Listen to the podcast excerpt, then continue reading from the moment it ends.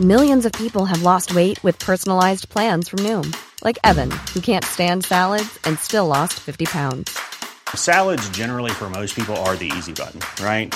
For me, that wasn't an option. I never really was a salad guy. That's just not who I am. But Noom worked for me.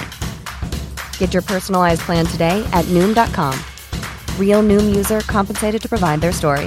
In four weeks, the typical Noom user can expect to lose one to two pounds per week. Individual results may vary.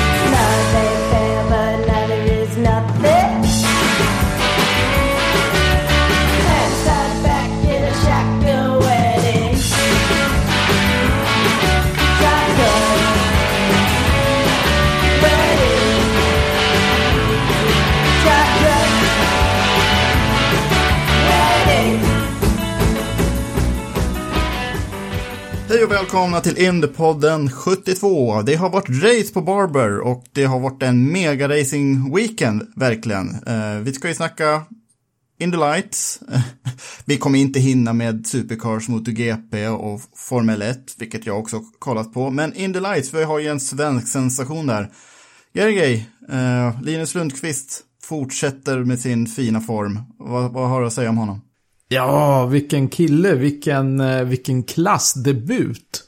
Det, det är liksom, eh, man fattar inte vad han drar, eh, vad, drar, vad han drar ur rockärmen. Var han får all den här liksom speeden ifrån och den här förmågan att bara sätta sig i en, ytterligare en ny klass och inte bara vara med och slåss i toppen utan segra. Väldigt, väldigt cool eh, debut. Det, är- det är en otroligt häftig karriär att få följa. Det är liksom länge sedan jag kände sådär att det, det här är inte bara så här en, en karriär vilken som helst. Att man så här, ser fram emot eh, eventuella framgångar. Utan det, det är en väldigt häftig grej att få följa Linus karriär. Så som den har artat sig senaste åren alltså. Mm. Snabbast på träning, snabbast på första kval, två på andra kval, seger och sen en andra plats. Och den här andra platsen tror jag vi kan säga att det var hans, det var hans mål med lopp två. Eftersom eh, push to pass fungerade inte alls under light den här helgen. Så det hade de inte och det var svårt att köra om och det var mycket däckslitage. Det blev en del punkteringar längre bak i fältet under andra loppet. Så jag tror han använde lopp två för att liksom lära sig hur bilen är i ja, lite trafik. Han kom 6,4 sekunder efter David Malukas mål där och de här 6,4 sekunderna var liksom väldigt gradvis över hela loppet. Så det var inte så att han blev frånåkt utan jag tror att eh, han eh, släppte Malukas lite grann och eh, ja, defilerade lite i mål. Första loppet då var ju, ja, han var ju ohotad från första kurvan. Och i den första kurvan så blev ju Malukas, avpetad Peter och Kyle Kirkwood, så var ju två favorit, de andra favoriterna borta redan på första varvet. Och då vann eh, Linus med 5,4 sekunder för eh, halvdansken Benjamin Petersen. Så, ja, vi kan lyssna på vad eh, Linus själv har att säga. Linus, vad är det som gör dig och teamet så bra just nu? Bra fråga. Det receptet kommer jag inte sälja ut så enkelt tänkte jag säga. Nej, men jag tror att det är, det är en kombination såklart. Det är det, är det verkligen. Du behöver ju ett bra team och en, och en bra förare för att kunna vara med och, och vinna. Och jag tror att eh, grabbarna har jobbat så hårt nu under vintern för att försöka ge oss en, en snabb bil. Och sen så kommer jag hit och försöker göra mitt bästa och eh, hoppas att det är tillräckligt bra helt enkelt. Ja, så med två lopp av 20 avverkade så leder Linus redan ganska rejält nu före Devlin De Francesco som kom trea i det eh, andra loppet men då mer än 30 sekunder efter segrande Malukas.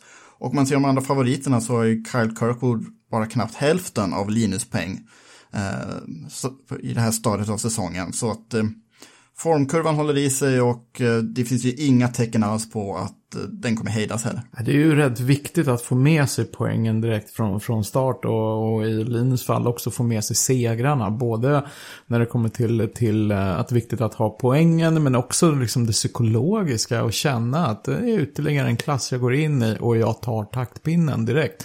Det är, nej, det är väldigt coolt. Mm, ex- exakt det, liksom att man kan ju inte förvänta sig att vinna varje lopp.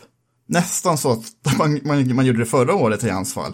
Men man måste ju lära sig att ta de poäng som finns till hands. Och det, är ju, Absolut. det, det får Linus också högsta betyg för, för efter den här helgen. Verkligen. Och vet du, en sak som jag tänkte på igår med det andra loppet var att, och nu vill jag verkligen inte så här jinxa eh, Linus eh, kamp om den här titeln.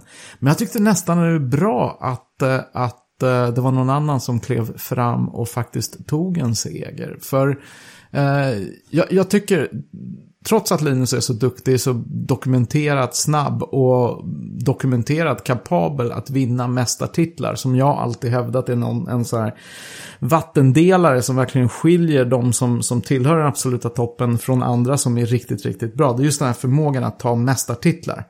Men han ska fasiken få kämpa lite för det, så man slipper allt det här snacket så här, men hur var motståndet egentligen i klassen han tog titeln i? Du vet det här som, som eh, ibland har dykt upp när det har handlat om Linus karriär, även när han körde F3 i England, då, då snackade folk så här, men, ja, men F3 i England nu är inte som F3 i England var 1981, när Senna var där. Nej, nej, det är sant.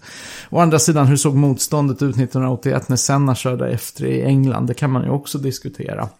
Och även i fjol när, när Linus tog klivet över Atlanten och direkt började dominera klassen han körde, då blev det också väldigt mycket snack så här, men hur är motståndet i den här klassen? Och när man började titta på vilka killar som körde så, så visade det sig att ja, men motståndet var ju rätt bra. Det var ju liksom, det var ju flera Indy Lights-förare bland, bland eh, i fältet som han spöade eh, rakt av. Och det är lite samma sak i år, så att han får gärna, han får gärna plocka den här eh, mästartiteln tidigt. Men det, det är bra att han får lite motstånd så folk inte snackar om så här, men hur är egentligen motståndet i Indy Light? För jag tror att det är rätt bra motstånd han kör emot. Vad tror du? Alltså, David Malukas var ju en sån som skulle kört Lice redan förra året, men hamnade i Formula Regional och fick stor psyk.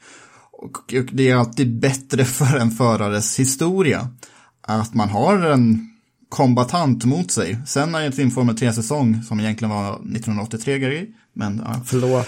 Poängen består, då, fick han Martin, då hade han Martin Brundle mot sig, så det blev en väldigt tvekant dem emellan. Ehm, och sen så, ja, Sennas karriär blev ju som den blev. Den blev ju väldigt dramatisk. Eh, som, som det är. Och eh, oj, jämför vi Linus Lundqvist med Ayrton Senna nu. Men ja, var, var, varför inte? Det vore kul om- ifall det blir en bra story kring honom också.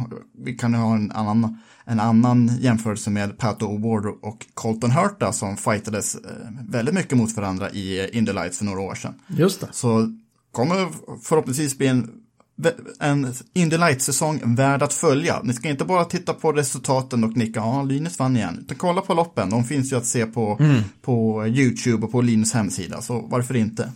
Bra tight racing här.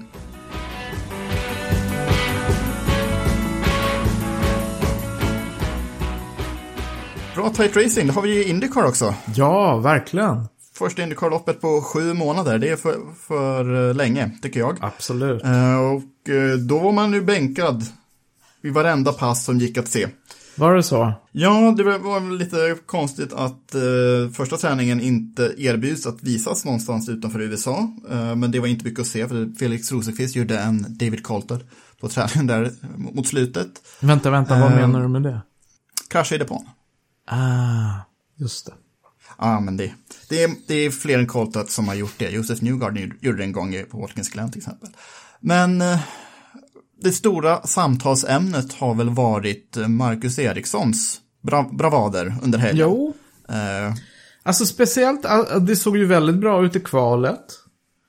Och det såg ju bra ut i racet också. Men ändå är det kontrovers och diskussioner kring, eh, kring Marcus race. Ehm, vi kan väl börja med kvalet. För Marcus var ju, alltså, första gången i fas 6 och i fas 12 så i princip identisk tid med Alex Palou. sin nya stallkompis och lite snabbare än Scott Dixon och det var ju bra.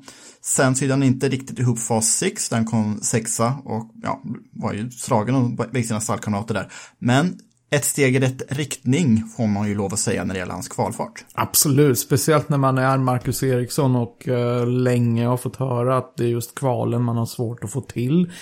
Är det här liksom, tänk om det här inte bara är ett steg i rätt riktning utan att han har liksom låst upp den här förmågan på ett sätt som kanske inte tidigare har funnits där så är det, ju, så är det verkligen en nyckel till att ta, ta sig till nästa nivå liksom. Vilket det, det på sätt och vis är, är dags för Marcus att göra. Ja, det tycker jag. Det här är ett steg i rätt riktning men det får absolut inte vara sista steget som han tar. Nej. Utan eh, jag vill att han ska vara tvåan i, i Ganassi. Det kanske är svårt att vara ettan när Scott Dixon är kvar där, men eh, stallet är ju precis där de vill vara i alla fall.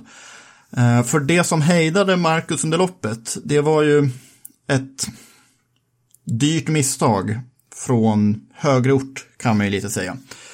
Han fick ju som bekant lov att spara in en massa bränsle under sista stinten och varför fick han det? Jo, den långa storyn är ju det att eh, på Barber är det precis på gränsen att klara loppet 90 varv på två stopp. Man klarar 29 varv under grönt. Hyfsat enkelt. Eh, men man måste klara 30. Man klarar bara 30 ifall man snålkör lite. Eh, efter startkraschen då, vi kommer till den sen, och Jimmy Johnsons snurrning på varv 10 så blev ju det första stintet, det blev ju enkelt att klara 30 varv då. Marcus klarade 32 varv. Men sen så fick han, ja, fick höra att det finns gott om bränsle under andra stinten och han kunde gasa på lite. Han var ju precis, precis bakom Scott Dixon stort sett hela det stintet. Men då klarade han bara 28 varv. Så det innebar att han behövde klara 30 varv till det sista stinten och då behövde han snålköra. Så det var en missräkning av stallet där de räknade ett varv kort under andra stintet och det blev ett dyrt misstag. Han tappade 17 sekunder på Dixon på det sista stintet och fyra placeringar tappade från fjärde till åtta. Det var det som hände. Uh, inga cyniska stallorder, vilket är en lättnad för mig tycker jag. Mm. Uh, och han gjorde ju liksom uh, allt som stallet ville av honom, inklusive det, det, här att använda för mycket bränsle. Liksom, han fick mm. order, typ. Och han fullföljde allt. Men det var fel sorts order som han fick då. Men det är ju typiskt att det är just Mackans bil som ska råka ut för de här missarna. Ja, verkligen. Särskilt typiskt efter alla depåstrul som det var förra året. Exakt. Nu har de ju bytt ut en del av de här IMSA-gubbarna som vi har mm. kallat dem. De har ju gått tillbaka där de eh, känns mer trygga i, i sportvagn, till sportvagnstallet då, som kan alltså återstartat. Men ändå så en sån här minigrej. Precis, men jag menar, jag tänker de här strategerna som, som gör de här beräkningarna och fattar besluten, de, de måste ju liksom ha stenkoll på det här. Så att det känns, känns inte rimligt att ett team på den nivån ska liksom göra de här missarna. Samtidigt så vet vi att det här sker ju, det sker ju i F1 också liksom. Man begår ju strategimissar. Det är bara så jäkla typiskt att det inte, att det inte är Dixon i Ganassi som drabbas av de här små missarna. Utan förra året så såg vi hos Marcus, vi såg det hos Felix liksom. Mm. Um, men ja, vi får hoppas på att nu att han har, han har eh, fyllt den här budgeten med strategimissar för säsongen. Ja. För, för det, det är nog liksom, totalt sett så var det ändå en, en jäkligt, bra, jäkligt bra insats av Marcus. Han var ju liksom jämn och han var med och, och inga misstag. Bara en sån sak. Det är värt, värt mycket mm. så här tidigt på säsongen liksom. Och eh, högg ju lite på Dixon. I, I, starten var han före lite grann men de körde jämsides genom den här långa karusellkurvan på bakrakan innan kraschen hände. Mm förhoppningsvis är han inte nöjd och det har han absolut in, inte låtit vara. Vi kan ju lyssna lite snabbt på vad Marcus själv hade att säga. Det gör vi. Ja, överlag så var det en eh, väldigt bra helg eh, från, eh, från början till slut i, i stort sett. Eh, lördagen så kändes det bra på träningarna, bilen var bra, eh, körningen satt där och eh, riktigt skönt med ett bra eh, kval och mitt första fas 6. Så en, en, en väldigt bra lördag. Eh, sen till söndagen då och racet så tycker jag också det funkar bra. Jag gjorde en bra, eh, en bra tävling, eh, inga misstag och hade väldigt bra fart i både mig själv och bilen. Eh, körde ikapp eh, Power Dixon där på andra stinten rätt ordentligt och då kändes det verkligen som jag hade hugg på, på en pallplats. Eh, men tyvärr så eh, blev det lite problem på, på pitwallen och eh, de kalkylerade fel med, med bränslet. Eh, eller det blev någon miss där i alla fall med kalkyleringen av, av bränslemängden. Så min sista stint blev eh, alldeles för mycket bränslesparande för att klara, klara av att hålla uppe tempot. Och, eh, därav så fick jag ju släppa de här platserna från, från fjärde till, till åttonde. Så ja, det var jäkligt surt eh, eftersom det kändes som att som sagt, pallen var, var nära men absolut var fjärdeplatsen eh, hade jag full kontroll på där. Så nej, eh, besviken och frustrerad över det men ändå väldigt nöjd över helgen överlag. Har du tänkt du förresten på inför eh, själva racet att eh, Marcus har amerikaniserats lite grann? Vet du vad jag tänker på? Nej, berätta. Strax för uh, race-start. Han stod där full mundering med hjälm och hade sin flickvän i närheten som fick en sista kram sådär innan racet. Ja. Och det har jag aldrig sett Marcus göra tidigare. Jag har aldrig sett uh, henne med på startplattan sådär. Men nu var det verkligen precis sekunderna innan han skulle ner i bilen och köra. Och det känns ju väldigt amerikanskt. Jo. Står ofta där med liksom två barn i armarna och, och vinkar och ser glada och familjära ut. Det var trevligt tycker jag. Ja, det var lite gulligt. Eh, Yes. Faktiskt, det har jag inte tänkt på, att hon syns inte så, så mycket jättenära. Och nu var det lite annorlunda år förra året. Men Just det, det är sant. 19, 19 och i Formel 1 så, eh, nej, jag har inte tänkt på att Nej. Hon har varit i närheten där. Och sen, eh, ja, du har väldigt rätt med det att det är väldigt amerikanskt. Såg Jimmy Johnson hade ju sin unga dotter med sig när han intervjuade precis innan loppet. Ja, just det. Eh, vi kan väl eh, snacka om Felix Rosenqvist också.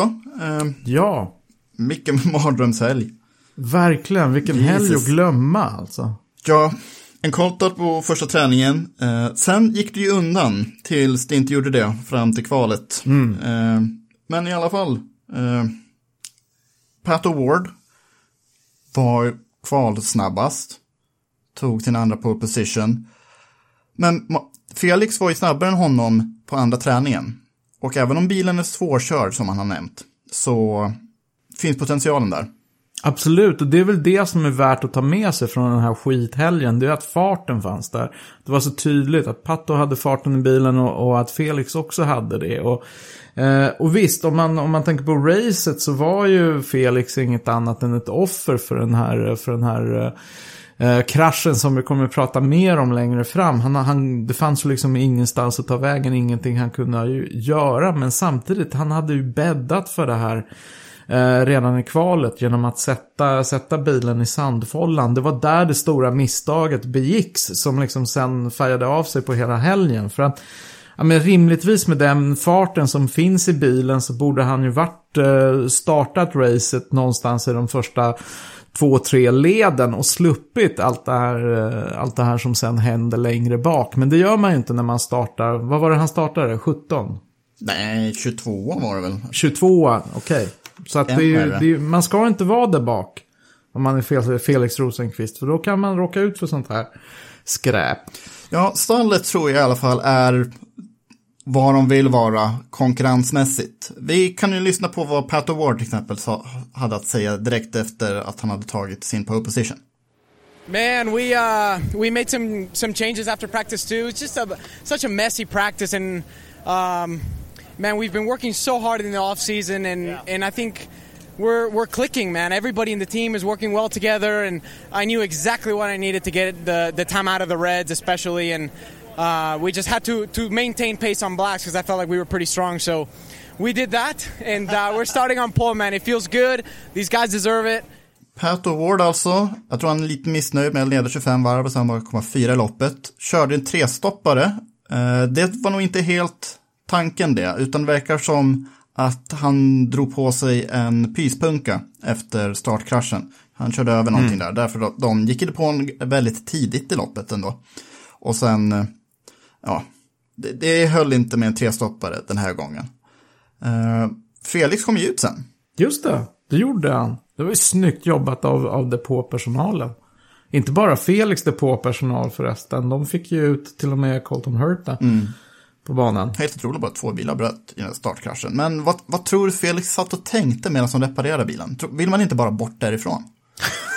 Jag tror nog han, han längtade nog hem. Man, jo, ja, jag tror nog det. Man vill nog bara bort, vidare. Jag har för mig att han, han, att han han säga det i någon intervju innan, innan han fick sätta sig i bilen igen och köra ut. Ja, vi kan ju lyssna på Felix kommentarer då om eh, loppet och helgen i stort.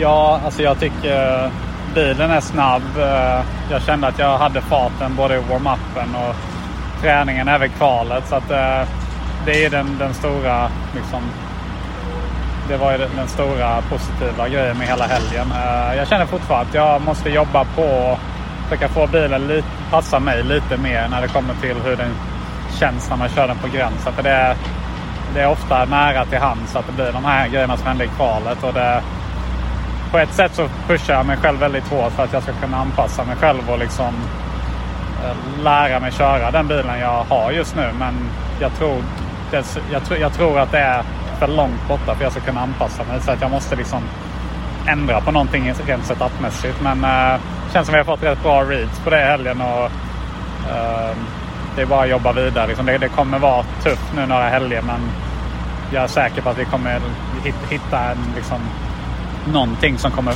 börja funka bättre. Uh, ja, så det, det är bara att ladda vidare. Det känns som att teamet är väldigt på hugget. Uh, alla är liksom alla är positiva. Det är ingen, ingen som hänger och hänger med huvudet sådär. Så det, det är bara att ladda om till sin tid.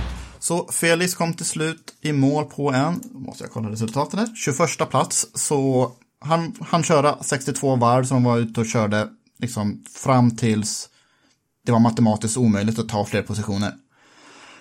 Um, Colton Hurter, han bara med 25 varv till exempel. Och uh, Mac Chilton förlorade fyra varv under, efter startkraschen. Så att det fanns inte mycket att köra för. Inte en enda bil bröt förutom de som var involverade då i, det, efter det som hände på första varvet. Och vad var det då som hände det allra första varvet, Greger? Det var ju ett rookie-misstag av eh, Joseph Newgarden. Han gör sådana fortfarande lite då och då. Kanske varannat år eller någonting, men ibland så bara gör något jättekonstigt sådär. Man ser ju honom som en av de liksom mest stabila, mest erfarna, ständig favoriterna på något sätt. Men samtidigt så, ibland så kommer de här rookie-grejerna och det här var väl en sån dag. Ja, första varvet, kalla däck. Han låg precis bakom Marcus Eriksson och kommer upp på bakrakan. Bilen får ett kast, han räddar inte. Och det är the big one. Så Mm. Jimmy Johnson som körde sitt första Indycar-lopp, han måste ju trott att shit, jag är på Talladega. Som Han måste några ha mil bort. igen sig. Ja, precis. Och ja, det skötte ju Johnson bra, men det är himla kalabalik där. Colton Hurta var den första som träffade Newgarden. Alltså Ryan Hunter Ray sa ju att airscreenen räddade livet på honom, för han fick ju ett Just det. däck på, på skärmen där. Mm. Eh, Felix fick en flygtur, Max Chilton snurrade runt, Greenus VK snurrade runt, uh, gjorde sen ett bra lopp att rädda en sjätteplats från det. Uh, Hinchcliffe var där någonstans också och ja, bråte. Och helt otroligt då att bara två bilar bröt på en gång. Det var Newgarden, Hunter Ray och sen så kom ju Felix och Colton ut mer. Mm. Dyr start. Verkligen, och det säger någonting om vad tåliga de här bilarna är. Alltså jag blir alltid lika imponerad av hur, hur stora smällar de tål och, och kan ändå fortsätta. Men jag, jag hade ju en, eh, en eh, teori om att eh, det här kan ha berott på att de inte är liksom i raceform. För de har ju inte kört race på sju månader. Och sju månader för att Eh, sju månaders vila för en racerförare är kanske sju månader för, för eh, lång vila. Att man inte liksom har de här raceinstinkterna i, i händer och ögon och hjärna som man behöver för att liksom fatta de här besluten på tusendels sekunder. Du, du pinkade på den teorin, den tror du inte alls på. Nej, eftersom inte alla Indycar-säsonger inleds med en stor masskrasch. eh, en del har gjort det, men det var nog några år sedan senast. Och dessutom många, inte Newgarden i och för sig, men många kör ju en del sportvagn. Newgarden har inte Mm, gjort det under det är vintern. sant. Eh, Det är sant. men många gör ju det. Eh, så att Nej, det här var bara en brain fart från Joseph Newgarden. Eh, En dyrbar sådan. Ja, en gång kraschade han i depån på Watkins Glen. En gång kraschade han bakom säkerhetsbilen när han ledde ut Toronto. Eh, Det var väl, ja det var innan pandemin i, all, i alla fall, så det kanske var två år sedan. Eh, Så det är väl typ varannat år som han gör, gör en sån här grej och då var det överstökat då.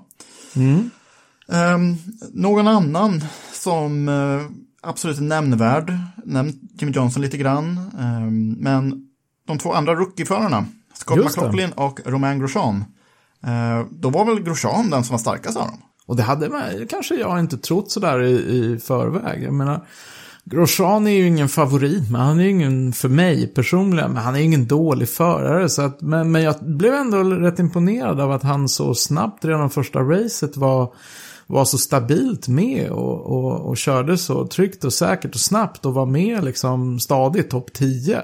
Eller vad tycker du? Vad tycker du om hans debut? Eh, på förhand hade jag två frågor. Liksom. Kan han klara av en Indycar-helg utan att göra några misstag? Det klarar han av. Jag såg inga misstag, jag har inte märkt någonting. Nej, Och sen eh, fysiken. Eh, Skulle hans händer hålla? Skulle hans kropp hålla? just det. Och eh, han var ju... Han verkar ha varit väldigt nöjd med det, med det också. Han kvalade in på en sjunde, kom i mål på en tionde plats och då inte... Dale Coyne med Rick Ware Racing är inte ett toppstall, man får nästan säga att de är lä- längst ner på den hierarkin. Men han körde ju ifrån Scott McLaughlin, som i en Penske bara mäktig med en fjortonde. Eh, Så ab- absolut fullt godkänd eh, debut av eh, Romain Grosjean. Och bara för li- lite statistisk kuriosa. Man kan jämföra det med senaste gången vi inledde en Indycar-säsong på Road Course, alltså 2019. Då kom Felix Rosenqvist i mål som fyra, som bästa rookie. Eh, om man jämför med förare som kom direkt från Formel 1 så, kom, så var ju Marcus Eriksson med det loppet i St. Pete också 2019. Men han bröt det loppet, lite svårt, svårare att jämföra med. Men Ma- Marcus kvalade in liksom runt 20 då och här kom var Grosjean sjua. Så ja, inte en Mansell-debut, men riktigt fint av Romain Grosjean. Definitivt. Och vi var- ju många som också se, såg eh, F1-loppet på Imola igår. Och det, man kunde inte låta bli att notera vilket stort problem Haas befinner sig i. Grosjeans gamla stall i F1. Och det har inte bara att göra med att de har två rookieförare som, som har en hel del kvar att lära. Speciellt i den typen av extremt svåra växlande eh, eh väder... väder eh, vad heter det? Väderlek som, som det var igår. Utan al- alltså bilen i sig är ju inte snabb, är ju inte bra, är ju inte utvecklad. Så att se Grosjeans prestation i USA i skenet av vad han hade suttit i för slags kärra om han hade behållit sin F1-plats.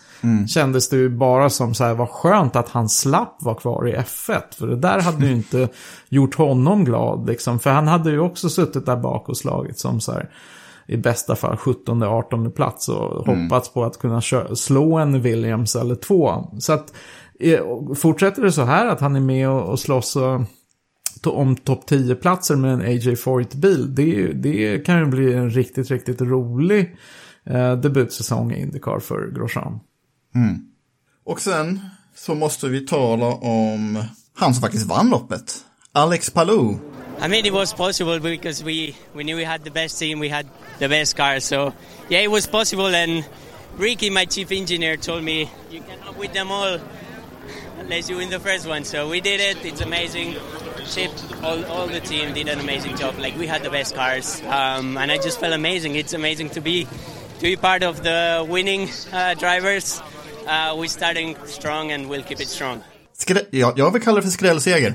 Vilken spanjor! Och det, det är väl ingen man, ingen man sådär direkt räknade med. Jag menar visst, hans debutsäsong i fjol, den var, ju, den var ju stabil och fin och jag vet, vi pratade om honom flera gånger. Det var ju liksom en del bra insatser och han sitter ju i en Ganassi så det fattar man ju att det är, ingen, det är inget skräp. De vet hur man ställer in en bil liksom. Men jag hade kanske inte räknat med en, en seger i Ganassi-debuten va?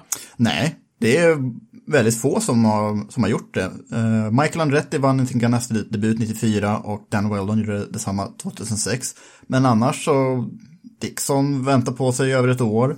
Eh, Montoya i och för sig tre lopp, Sanardi en halv säsong. Så ja, Ganassi har alltid varit ett väldigt starkt stall, men att, att vinna på debuten och egentligen det viktigaste, han var före Scott Dixon hela helgen. Det var nog det absolut viktigaste. Så. Och det trodde man ju verkligen inte, eller hur? Mm.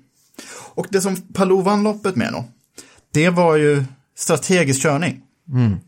Det var inte så att han inte fick lov att kämpa om det, utan han valde sina fighter.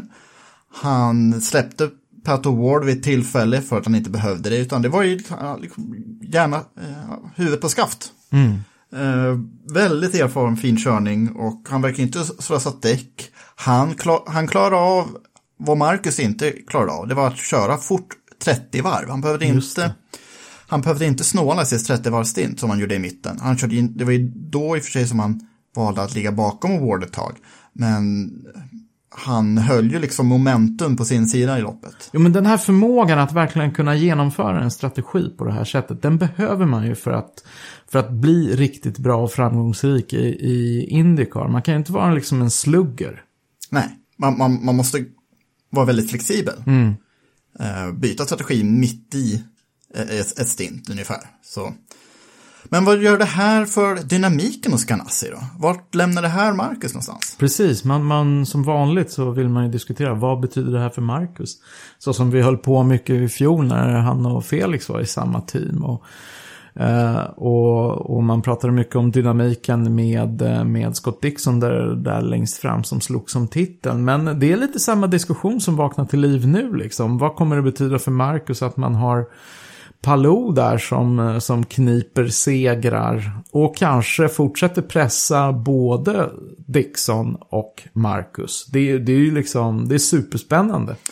Men eftersom vi har av, avhandlat Marcus missöden så kan vi ju säga att det var inte på grund av stallorder som Marcus hamnar på en åttonde plats. Eh, det verkar inte varit någon stallorder alls inom Ganassi. Så förhoppningsvis så har de fortfarande tre försteförare vid det här tidiga, tidiga stadiet av säsongen, eller vad tror vi? Vi får utgå ifrån det, va? Vi får hoppas det i alla fall. Man kan ju inte räkna bort Dixon bara för att han kom trea här till, till exempel. Och eh, körmässigt så levererade ju Marcus. Så ja, förhoppningsvis så kommer vi ha, ja, kan Marcus också studsa tillbaka och vara med och utmana Palou. För mm. en, en, ett lopp är inget lopp, mm. kan man också, också säga.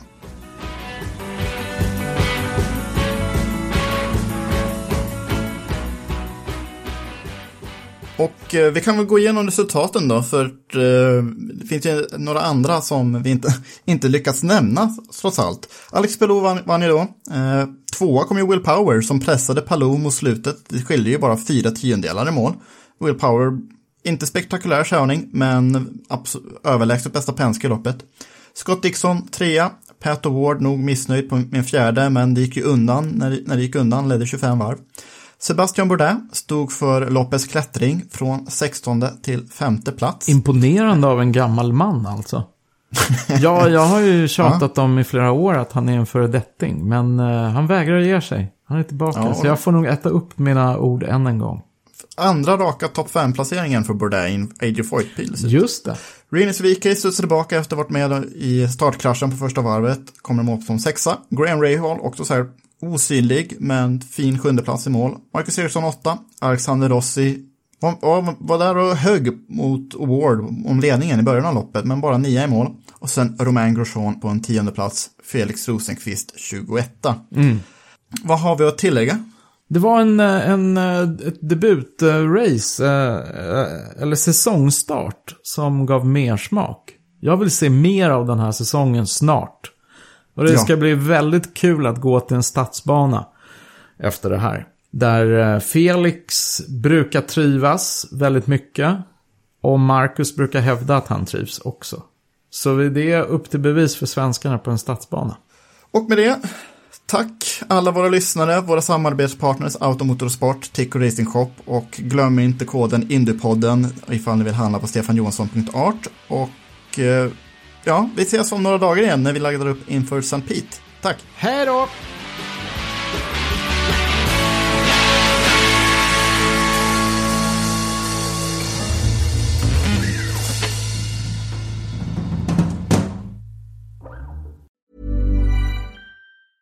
Summer's just around the corner, so give your body the care it deserves with Osea's best-selling Undaria algae body oil.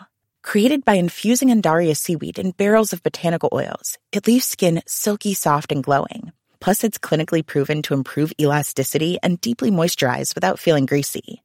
It's safe, clean, vegan skincare. Get 10% off your first order at oseamalibu.com with code GLOW, plus free shipping on orders over $60.